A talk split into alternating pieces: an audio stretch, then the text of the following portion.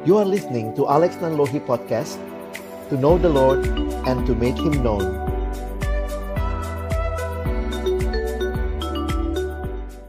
Tunduk kepala kita berdoa. Kami akan membuka firman-Mu ya Tuhan. Bukalah juga hati kami. Jadikanlah hati kami seperti tanah yang baik Supaya ketika benih firman Tuhan ditaburkan Boleh sungguh-sungguh berakar, bertumbuh dan juga berbuah nyata di dalam hidup kami. Berkati baik hambamu yang menyampaikan, setiap kami yang mendengar, Tuhan tolonglah kami semua. Agar kami bukan hanya menjadi pendengar-pendengar firman yang setia, tapi mampukan dengan kuasa dari rohmu yang kudus, kami dimampukan menjadi pelaku-pelaku firmanmu di dalam kehidupan kami, di dalam masa muda kami. Bersabdalah ya Tuhan kami anak-anakmu sedia mendengarnya. Di dalam satu nama yang kudus, nama yang berkuasa Nama Tuhan kami Yesus Kristus Kami menyerahkan pemberitaan firmanmu. Amin. Silakan duduk. Shalom. Selamat siang teman-teman sekalian. Kesempatan siang hari ini kita akan merenungkan tema ini Soulmate tapi pakai tanda tanya begitu ya jadi ini uh, satu bagian yang saya mau sampaikan kepada teman-teman dengan membawa kita melihat kepada apa yang Alkitab katakan. Secara khusus saya akan angkat bagian pertama saya mau angkat dulu tentang love-nya ya.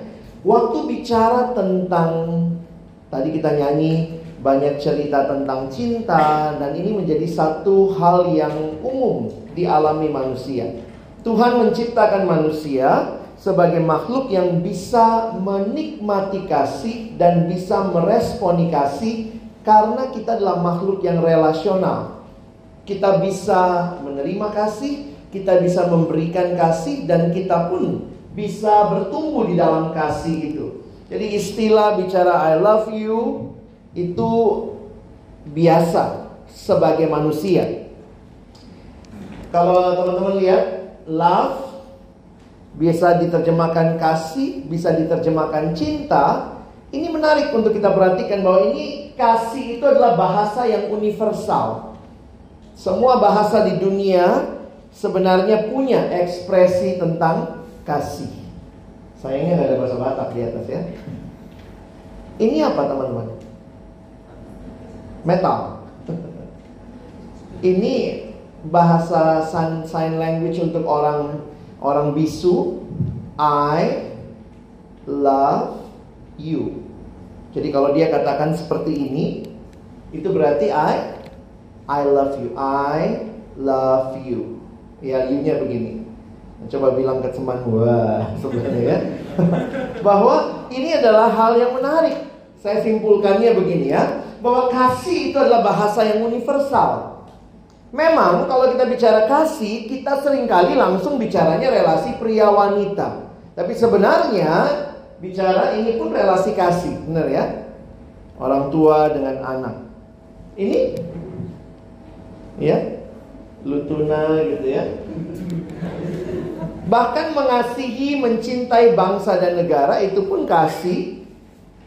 Persahabatan tapi memang akhirnya orang melihatnya khususnya kalau kita baru lewat bulan apa ya bulan Valentine katanya, memang akhirnya orang menghayatinya itu sebagai hari kasih sayang, bulan kasih sayang sampai-sampai mereka berdua ini nggak mau kalah gitu ya.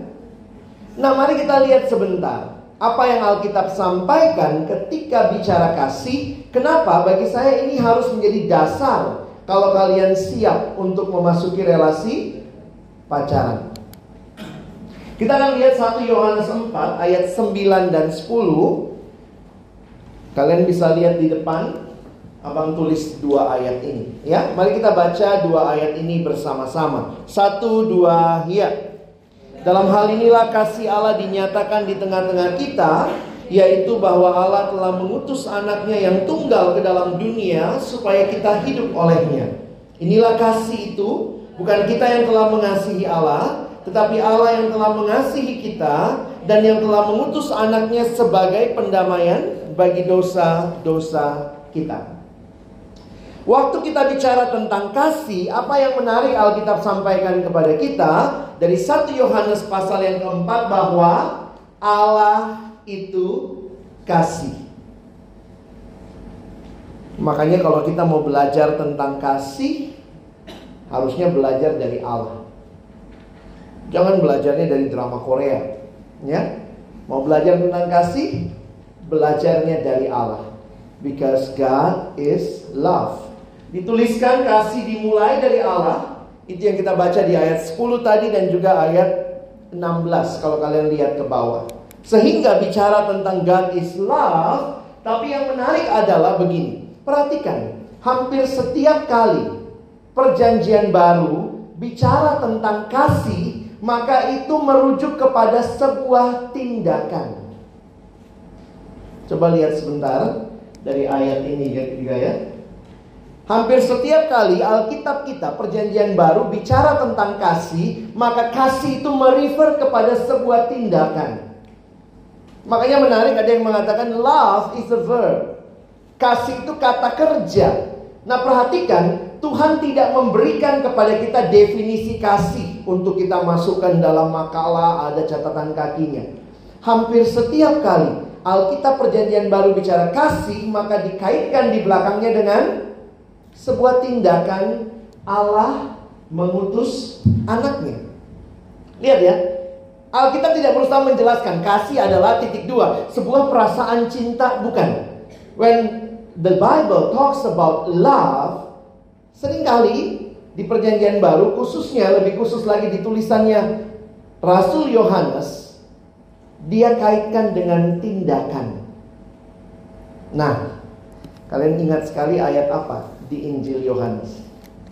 Yohanes 3 ayat 16. Bagaimana kasih didefinisikan, digambarkan? Karena begitu besar kasih Allah akan dunia ini, sehingga ia telah mengaruniakan anaknya.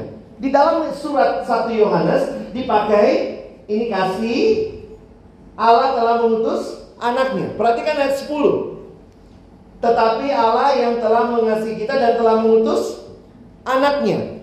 Jadi bagi saya menarik sekali memperhatikan, saya kasih kesimpulannya ini ya. Bukti kasih Allah Allah tidak men, tidak bermaksud mendefinisikan kasih, tapi Allah membuktikan kasihnya, perhatikan, dengan memberikan anaknya. Jadi, waktu memperhatikan ini, di mana Allah memberikan anaknya? Ya kita mengertinya seluruh kisah hidup Yesus secara fokus kita melihat di dalam karya Kristus di kayu salib. Di mana Yesus bilang sudah selesai? Pertama kali dapat gambar ini ngelihat ya, mulai dari lahirnya Yesus ini siluet Yesus lahir sampai bangkit. Tapi di mana dia mengatakan sudah selesai? Di kayu salib. Jadi waktu kita menghayati hal ini, saya meminjam kutipan dari seorang bernama Billy Graham. Almarhum pendeta Billy Graham dia mengatakan, Allah membuktikan kasihnya pada kayu salib Ketika Kristus digantung berdarah dan mati, itulah saatnya Allah berkata kepada dunia, I love you. Jadi waktu mengerti kasih, kita mesti ngertinya dari mana? Saya pinjam kalimat dari seorang bernama John Stott. Dia mengatakan dalam bahasa Inggris lebih indah ya. If we are going, uh, if we are looking for a definition of love, we should look not in a dictionary, but at Calvary. You want to know what love is? Look to Calvary. Jadi biasanya kalau pecinta Korea gitu ya, kasih gimana kasih? Wah gitu ya. sarang ya, sarangnya, sarang sarang semut, sarang tawon gitu ya. Tapi waktu engkau mengerti tentang Allah yang mengasihi, saya coba katakan begini, this is not love. This is not love, but this is love. Kasih itu bicara tentang apa yang Allah lakukan bagi kita di kayu salib. Sehingga kita mesti melihat apa yang terjadi di kayu salib Allah mengaruniakan anaknya yang tunggal. Perhatikan ada dua hal yang terjadi. Ini kalau kita PA-kan ayat 9 dan 10. Perhatikan yang pertama. Di ayat yang ke-9 Kristus diutus supaya kita hidup olehnya. Dan ayat yang ke-10, ayat yang tadi kalian baca, sebagai pendamaian bagi dosa-dosa kita. Dari sini saya ingin mengajak kita mengerti bahwa waktu kamu belajar tentang kasihnya Allah, ini bukan kasih yang untuk diri sendiri. No. Tapi kasih Allah adalah kasih yang memberi kepada yang dikasihi untuk mereka. Jadi kalau kita lihat Allah memberikan dirinya, dia memberikan anaknya supaya kita hidup. Dia berikan anaknya diutus supaya kita didamaikan. Makanya ada yang bilang bahasa Indonesia itu paling gampang menjelaskan kasih. Dari semua bahasa di dunia bahasa Indonesia itu paling gampang. Apa itu kasih? Kasih ya kasih. Love is giving. Kasih itu bukan ngambil. Kasih itu bicara, lihat kayu salib, lihat apa yang Tuhan lakukan di sana. Tuhan tidak ada satupun yang dia ambil dari kita. Tapi dia memberikan semuanya kepada kita. Jadi, kalau kasih dunia, kasih dunia kadang-kadang hanya dikaitkan dengan perasaan. Dan itu cenderung sifatnya egois. Mengambil untuk diri sendiri. Itulah kasih yang kita lihat dari dunia. But if you want to learn about love, look at Calvary. Then you know Allah bukannya mengasihi kita lalu ambil dari kita. Love is giving. Love is not taking. If love is taking, taking that is not love. That is rampoking. You know? Nah, dari titik inilah saya harus katakan begini.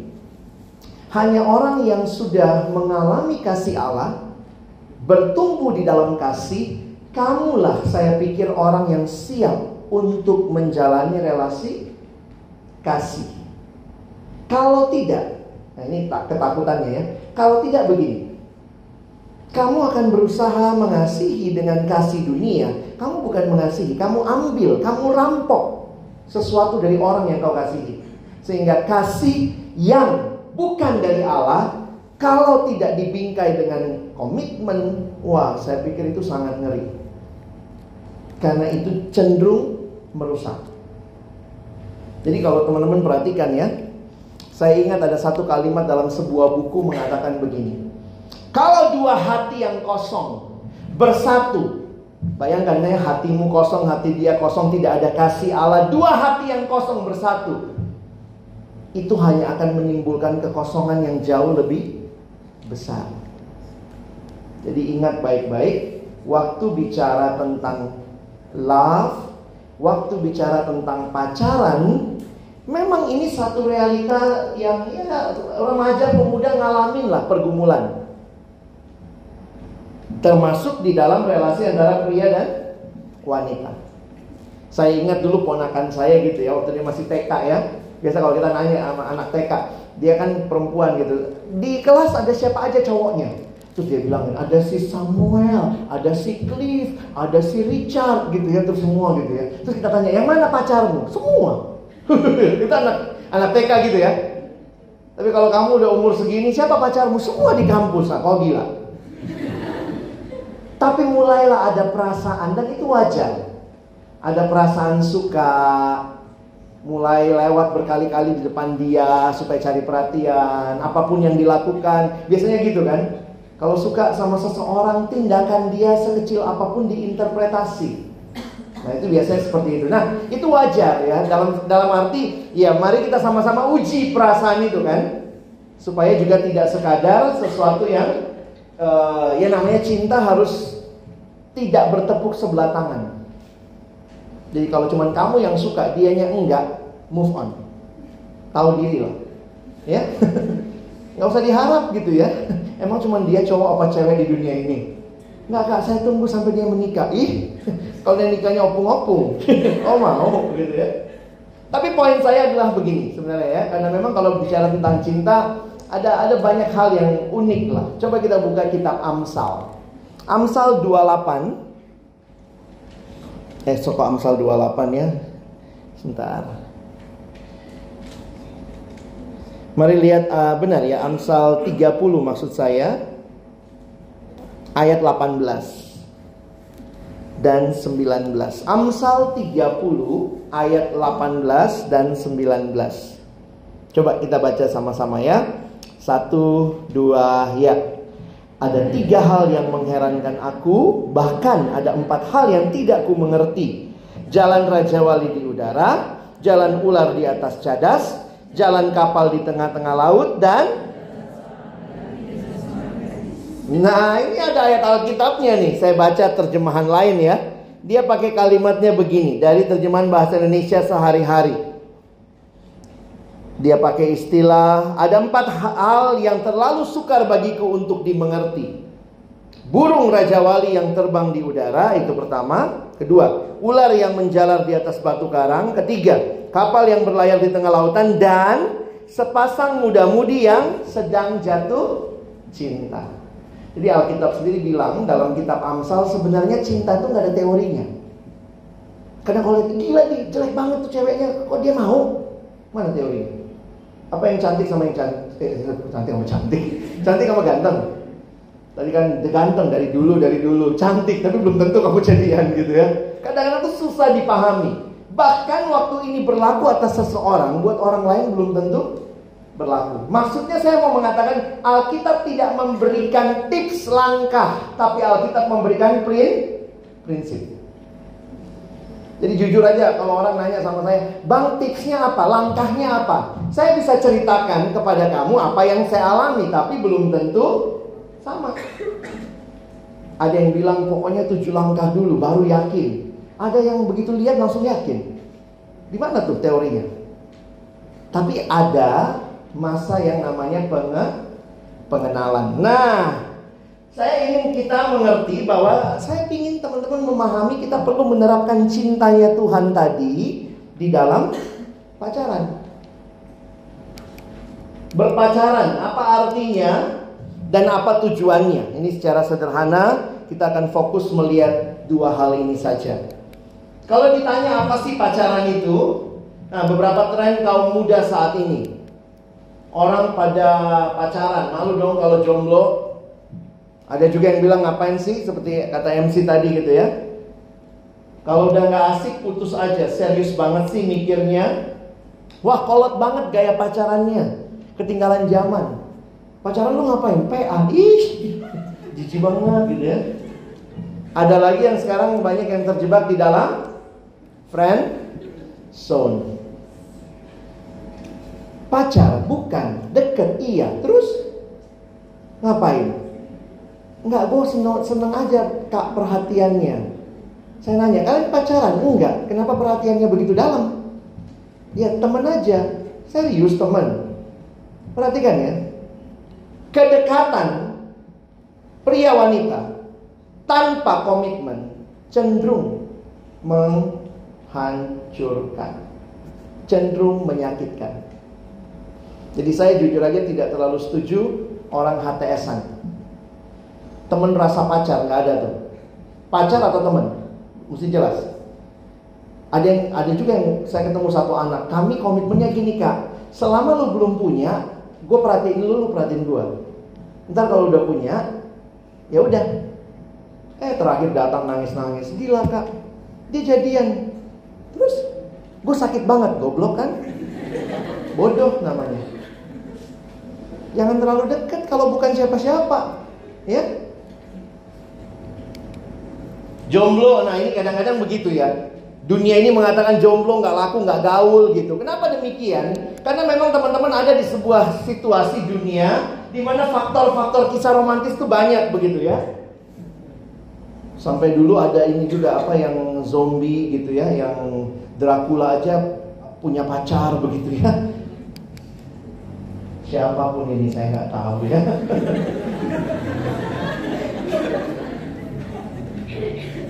Hal ini mengakibatkan kebingungan di kalangan kaum muda sehingga mereka mengisi masa muda mereka dengan hal-hal yang mengikuti tren semata. Memang begitu banyak. Perhatikan ketika ini ada di sekitar kita lalu kemudian kita dibully tanpa kita sadari. Beberapa orang sulit berkaitan dengan masalah kesepian. Saya pikir itu topik lain, tapi saya lihat beberapa kali ini jadi masalah utama. Gue sepi kak, ya udah cari pacar. Waduh, kalau cuma sekedar begitu teman-teman, kamu nggak akan pernah bisa puas dengan pacarmu karena yang bisa mengisi kesepian hatimu sebenarnya cuma Tuhan. Itu gimana teorinya? Nah, itu satu perjalanan rohanimu dengan Tuhan. Belum lagi meme-meme kayak gini ya. Ondel-ondel aja punya pasangan. Tahu aja ada isinya, hati kamu masih kosong. Ini kan kadang-kadang mungkin bercanda, tapi kok kena banget ya. Truk aja punya gandengan, kok situ enggak? Ini yang lebih ngeri. Wisuda cuma didampingi orang tua aja, itu wisuda atau ambil rapor.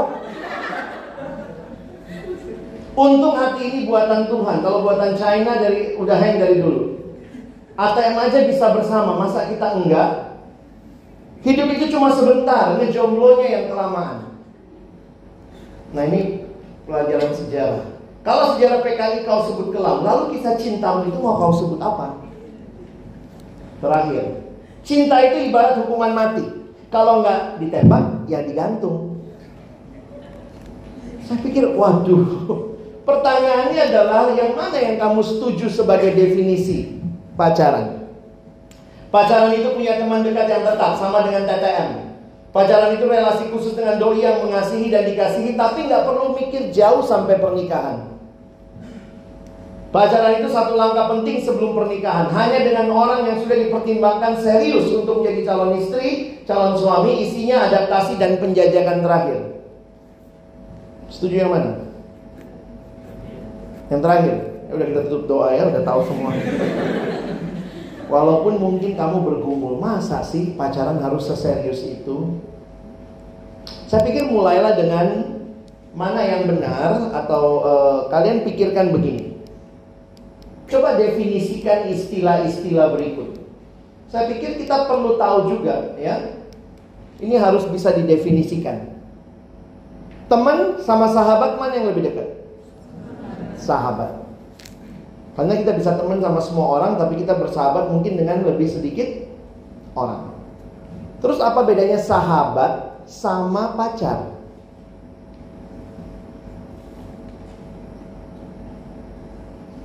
Sahabat bisa sejenis. Pacar nggak boleh sejenis ya. Pacar udah jelas beda. Apa lagi bedanya? Apa yang paling membedakan pacar sama sahabat? Nah ini yang jarang disebut di banyak acara saya tanya jarang menyebut ini. Yang paling membedakan sebenarnya adalah komitmen. Nah ini generasi kalian kadang nggak suka komitmennya, suka rasanya. You, you, you love the feel. Senang ada yang merhatiin, nanya udah makan belum? Kadang-kadang ntar bang balas dulu. Siapa itu? Ah, teman, Hah? teman segitu amat gitu. Terus nanti dia tanya lagi. Jadi saya pikir hati-hati. Memang persahabatan itu akan berlanjut di pacaran atau pacaran yang baik sebenarnya itu melanjutkan persahabatan kan? Tapi harus jelas komitmennya Sehingga paling tidak begini Kalau sudah punya pacar Maka punya komitmen tidak lagi dekat sama orang lain lawan jenis Itu harus jelas tapi ini ini teman gue dari SD bang, gue deket banget sama dia walaupun dia beda jenis. Tapi kita nggak pacaran. Tapi setelah kamu pacaran, kamu harus bisa membedakan. Karena tidak ada orang yang sebenarnya begini loh, apa ya? Kita ini makhluk relasional, makin sering berkomunikasi, berelasi, gampang sukanya. Cinlok itu gampang terjadi. Ya. Jadi makanya kita mesti memahami apa bedanya pacaran sama tunangan?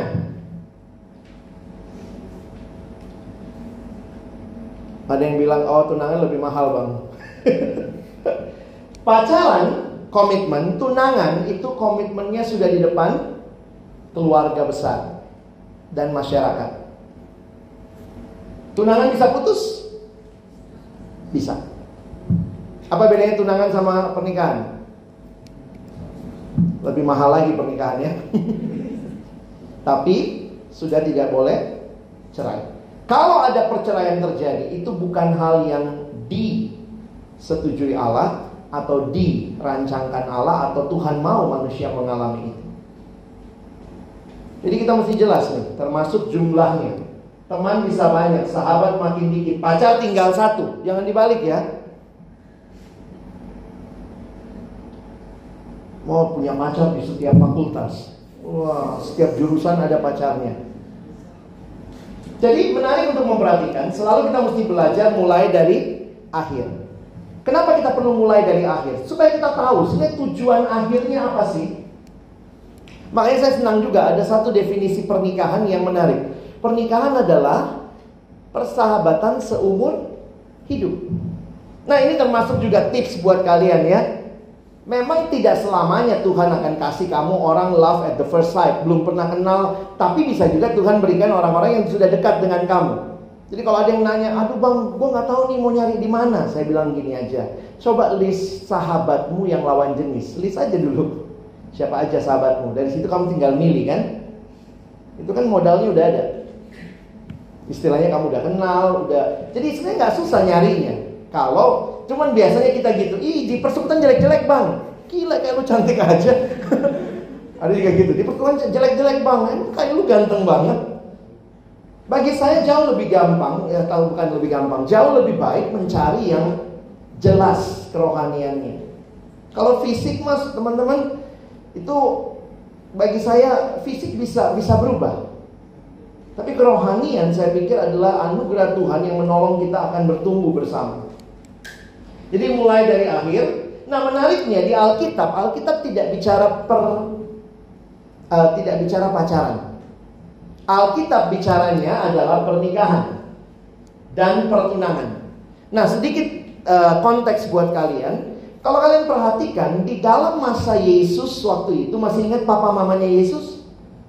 Mereka dikatakan sudah bertu bertunangan, tapi masih belum boleh berhubungan badan. Karena itu Ternyata dalam tradisi Yahudi karena mereka lebih mirip seperti teman-teman kita sekarang yang ta'aruf.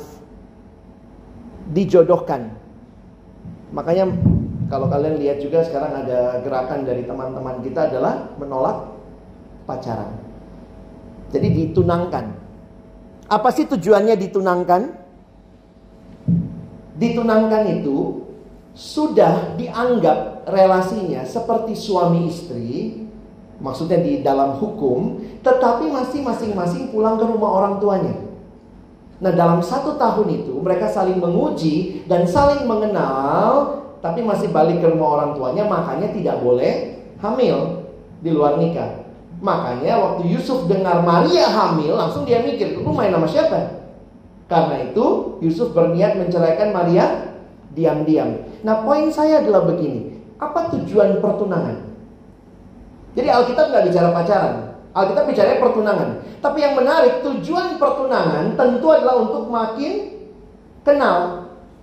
Nah, kita sekarang menggunakan makin kenal itu tujuannya bisa makin kenal melalui tahap yang namanya pacaran. Jadi kita naruhnya di depan. Mereka dulu ditunangkan dulu baru kenal.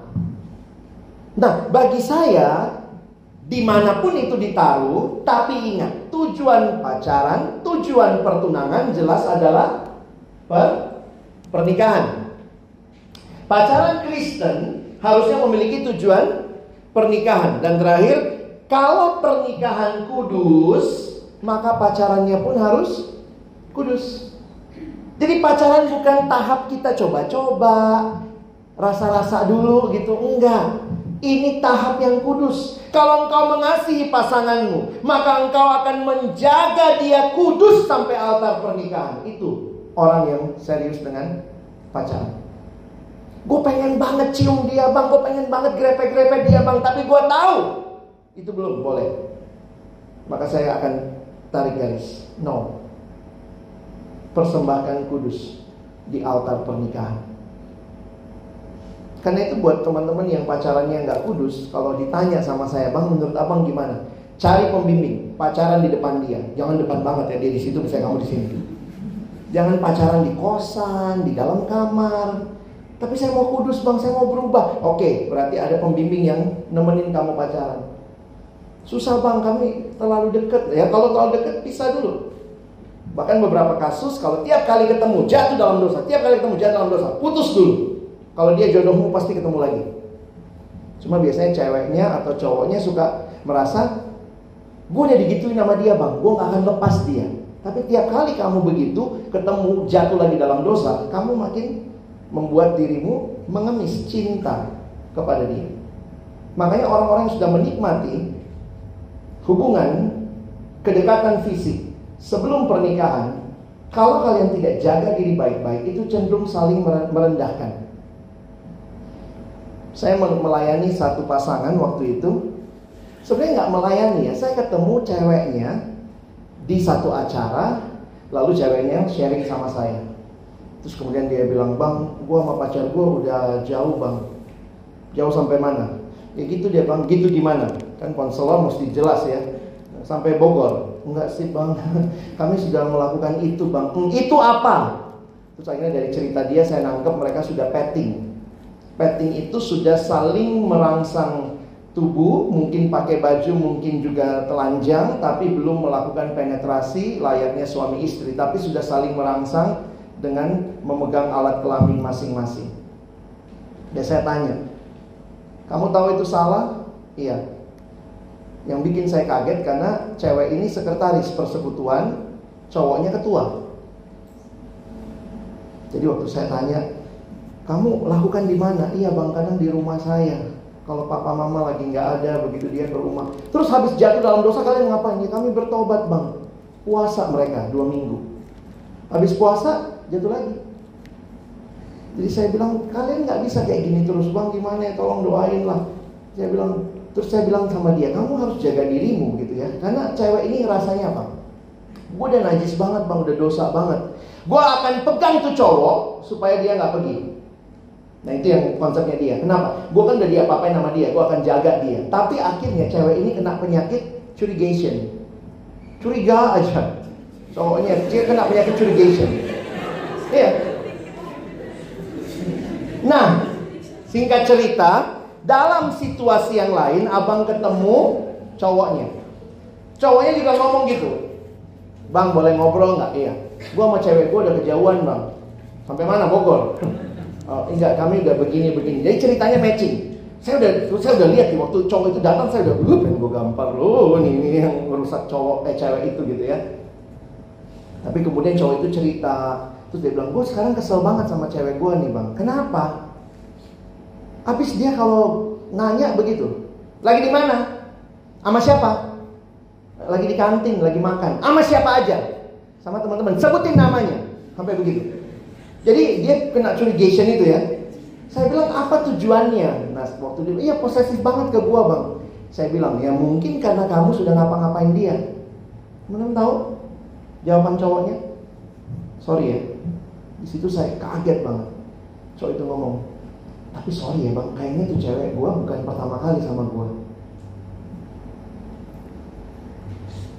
Padahal cewek itu ngaku ke saya, ini pertama kali bang.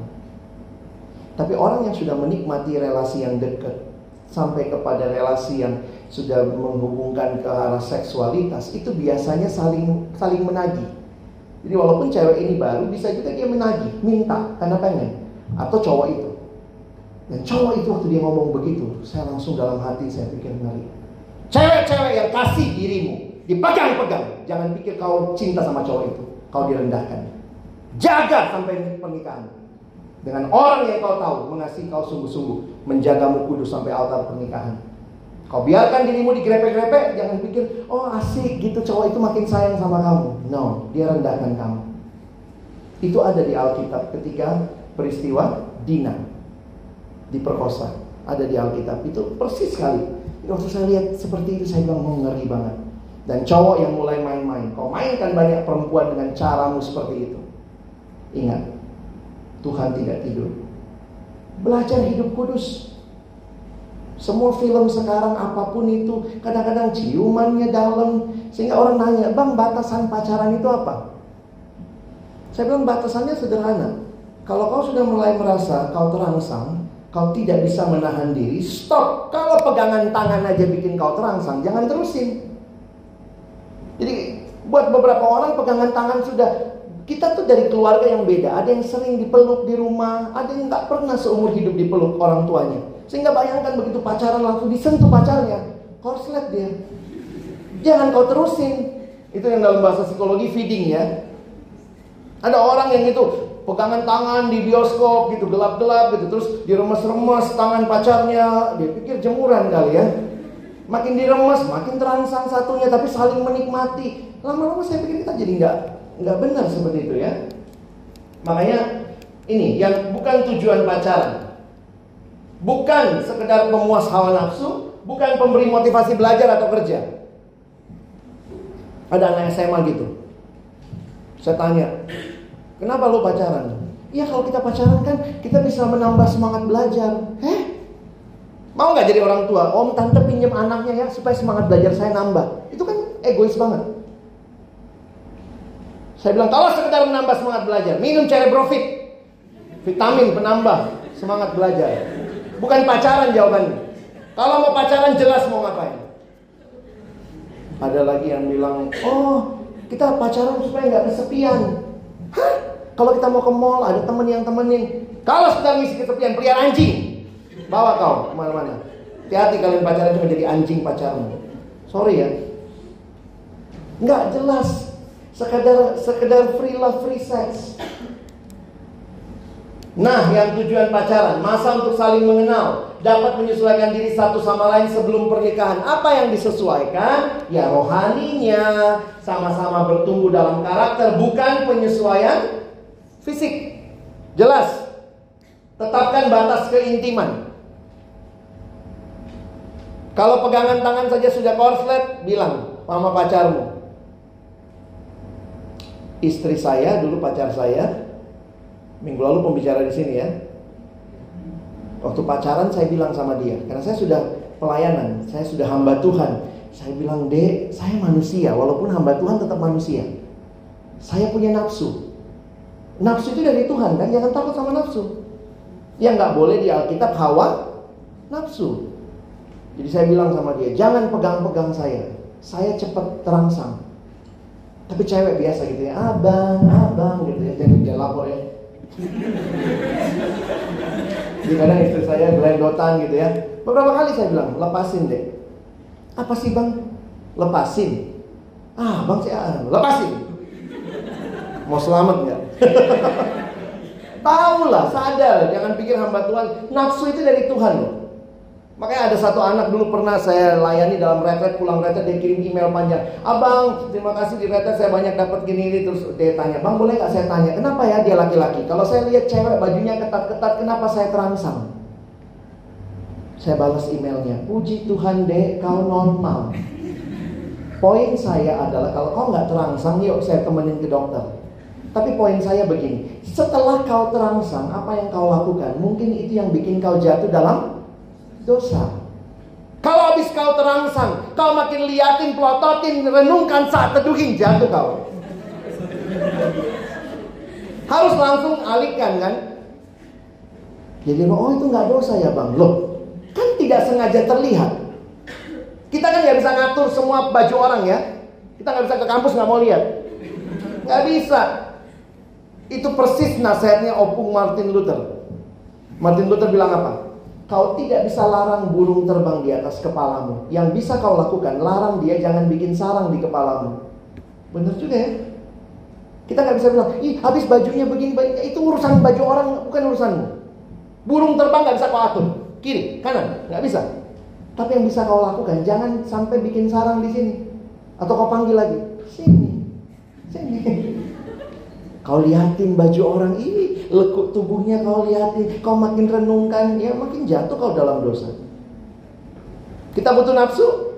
Butuh. Tapi kekristenan menaruh nafsu hubungan seksual, butuh nafsu itu di dalam konteks perni pernikahan. Bayangkan merit nggak punya nafsu.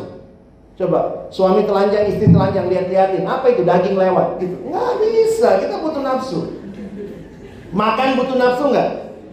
Butuh. Kau lihat makanan, makanan lihat kau. Kalian lihat-lihatan gak nafsu. Makanya perhatikan. Banyak pernikahan sudah kehilangan nafsu. Khususnya bagi kalian yang biasa dengan pornografi, hati-hati. Di dalam pornografi merusak pikiran. Jadi mungkin kau tanda kutip sedang berhubungan sama suamimu, istrimu, tapi yang ada di benakmu adalah suami istri orang lain atau apa yang ada di film. Jadi ada yang bilang gini, iya sebelum sebelum kami berhubungan suami istri kami biasanya nonton film dulu, film porno. Saya secara pribadi setelah makin lama belajar, saya melihat tidak ada alasan suami istri Kristen punya film porno. Apa tujuannya? Membangkitkan nafsu. Kenapa? Karena mungkin kau udah gak nafsu sama pasanganmu. Tidak ada film, oh ini sudah boleh, umur sudah 21 tahun ke atas. Tidak. Harusnya keluarga Kristen tidak punya film porno.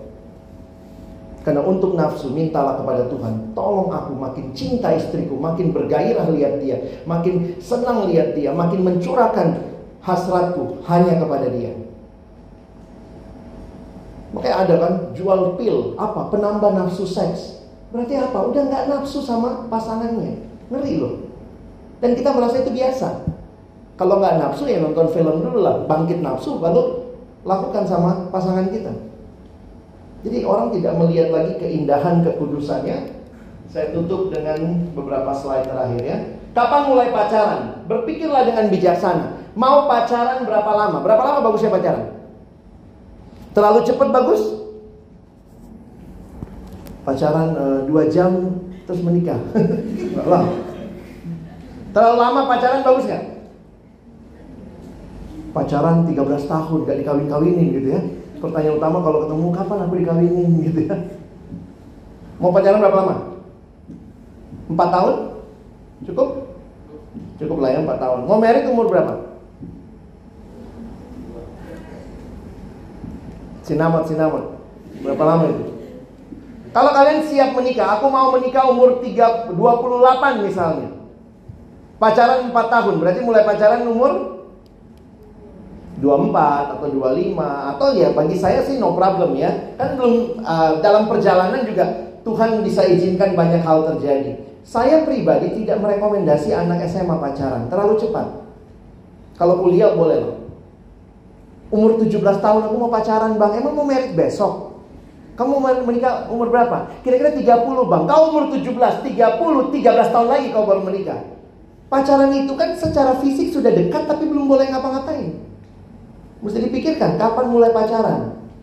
Sudah siapkah saya menjadi penolong? Itu sekadar keinginan atau kebutuhan. Saya tutup dengan prinsip ini ya. Prinsip berpacaran maka ada kalimat di Alkitab, kalau engkau makan ataupun engkau minum atau melakukan segala hal yang lain, lakukanlah untuk kemuliaan Tuhan. Berarti makan aja untuk kemuliaan Tuhan, minum untuk kemuliaan Tuhan, apalagi pacaran. Siapa yang harus dimuliakan? Tuhan. Maka pertama muliakan Tuhan, carilah lawan jenis. Dulu saya selalu ngomong, pertama cari yang seiman, sekarang enggak. Lawan jenis dulu, baru seiman. Karena ada datang, bang kami seiman bang. Tapi sama jenismu. Itulah ya, manusia ini kena penyakit jugulisme. Ya. Sepadan. Sepadan di Alkitab sebenarnya itu poinnya adalah sama-sama manusia. Tidak ada istilah sepadan lebih dari itu. Kita sekarang yang bikin itu jadi beberapa prinsip. Mesti sama tinggi itu sepadan. Mesti kalau dia S1 atau dia D4 atau dia D3 harus sama D3. Saya pikir bukan begitu prinsip sepadan di Alkitab. Kalau buat saya, usahakanlah sepadan di dalam pertumbuhan rohani.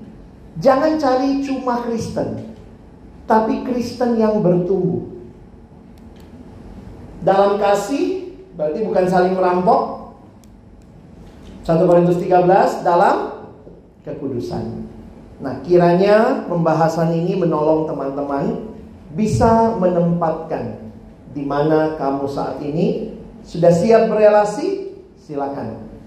Tapi dalam kasih Allah dalam kekudusan, ngerti, bertumbuh, bukan cuma Kristen, tapi mesti Kristen yang bertumbuh. Ada yang bilang, iya pacarku Kristen bang, dia ada kok di depan nanti dia jemput aku habis ibadat, kok nggak masuk? Dia nggak terlalu suka nyanyi-nyanyi bang. Hah? Oh, kau pacaran masuk supir Grab, kok nunggu di luar gitu. Oh banyak loh begitu. Beberapa orang DM saya melalui Instagram dan kalimat-kalimatnya kadang menyedihkan ya. Misalnya dia bilang begini, menurut abang boleh cerai nggak? Saya lihat gambarnya, ih ini pengurus PMK dulu. pengurus persekutuan, menurut abang boleh cerai nggak? Terus saya jawab, nggak boleh lah dek. Terus dia jawab lagi, saya udah tahu abang pasti jawab itu. Terus kenapa nanya gitu ya? Tapi di bawahnya dia tulis, ini perempuan ya, kakak kita, dia tulis begini. Apalah perasaan abang? Gimana perasaan abang kalau misalnya saya ini lagi hamil 8 bulan dan suami saya sedang pergi berlibur dengan satu cewek masih muda di sebuah pulau. Akhirnya saya bertanya lagi ya, biasalah keponya muncul kan saya lihatlah timelinenya, saya lihat foto-fotonya, menikahnya di gereja. Akhirnya dalam benak saya cuma mikir gini, di mana kau cari suamimu? Cuma sekedar Kristen.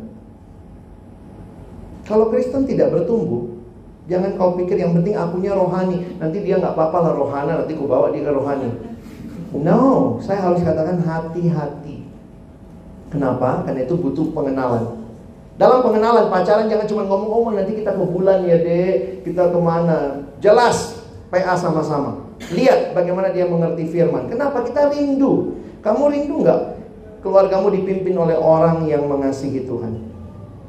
Baik suami maupun istri.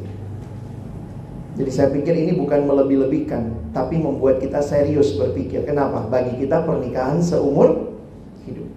Kalau kamu punya trauma, mungkin papa mamamu bukan orang tua yang harmonis, karena memang tidak ada keluarga yang sempurna. Beberapa orang mulai, saya nggak mau merit bang, nggak mau. Terserahlah, pokoknya saya udah lihat yang jelek. Saya pikir juga kalian mesti belajar membuka hati kepada Tuhan. Bahwa Tuhan bisa mengubah apa yang kau takutkan menjadi hal yang indah. Tentu tidak ada keluarga yang sempurna. Buat teman-teman yang mungkin waktu pacaran kamu sudah jatuh dalam dosa persinahan. Abang harus ingatkan bertobat sungguh-sungguh. Belajar tidak hidup di masa lalu. Kau tidak bisa mengubah yang ke belakang, tapi kau bisa mengubah yang ke depan. Jadi saya juga mungkin saya bicara tegas tentang persinahan, tapi saya juga harus katakan Tuhan membuka tangannya berbelas kasihan buat kamu yang mungkin rasa aduh saya udah hancur begini waktu SMA saya pacarannya nggak bener. Apa masih ada laki-laki yang mau sama saya? Saya harus katakan bahwa Tuhan mengasihimu. Tuhan sanggup memulihkanmu. Tuhan bisa siapkan pasangan yang terbaik buat kamu. Dan di situlah kita punya pengharapannya nah itu yang membedakan orang Kristen dengan yang bukan Kristen. Terakhir, kalau mungkin di antara kalian ada yang bergumul, sulit menerima gendernya. Saya maunya cewek, Bang. Atau mungkin kamu bergumul dengan LGBT.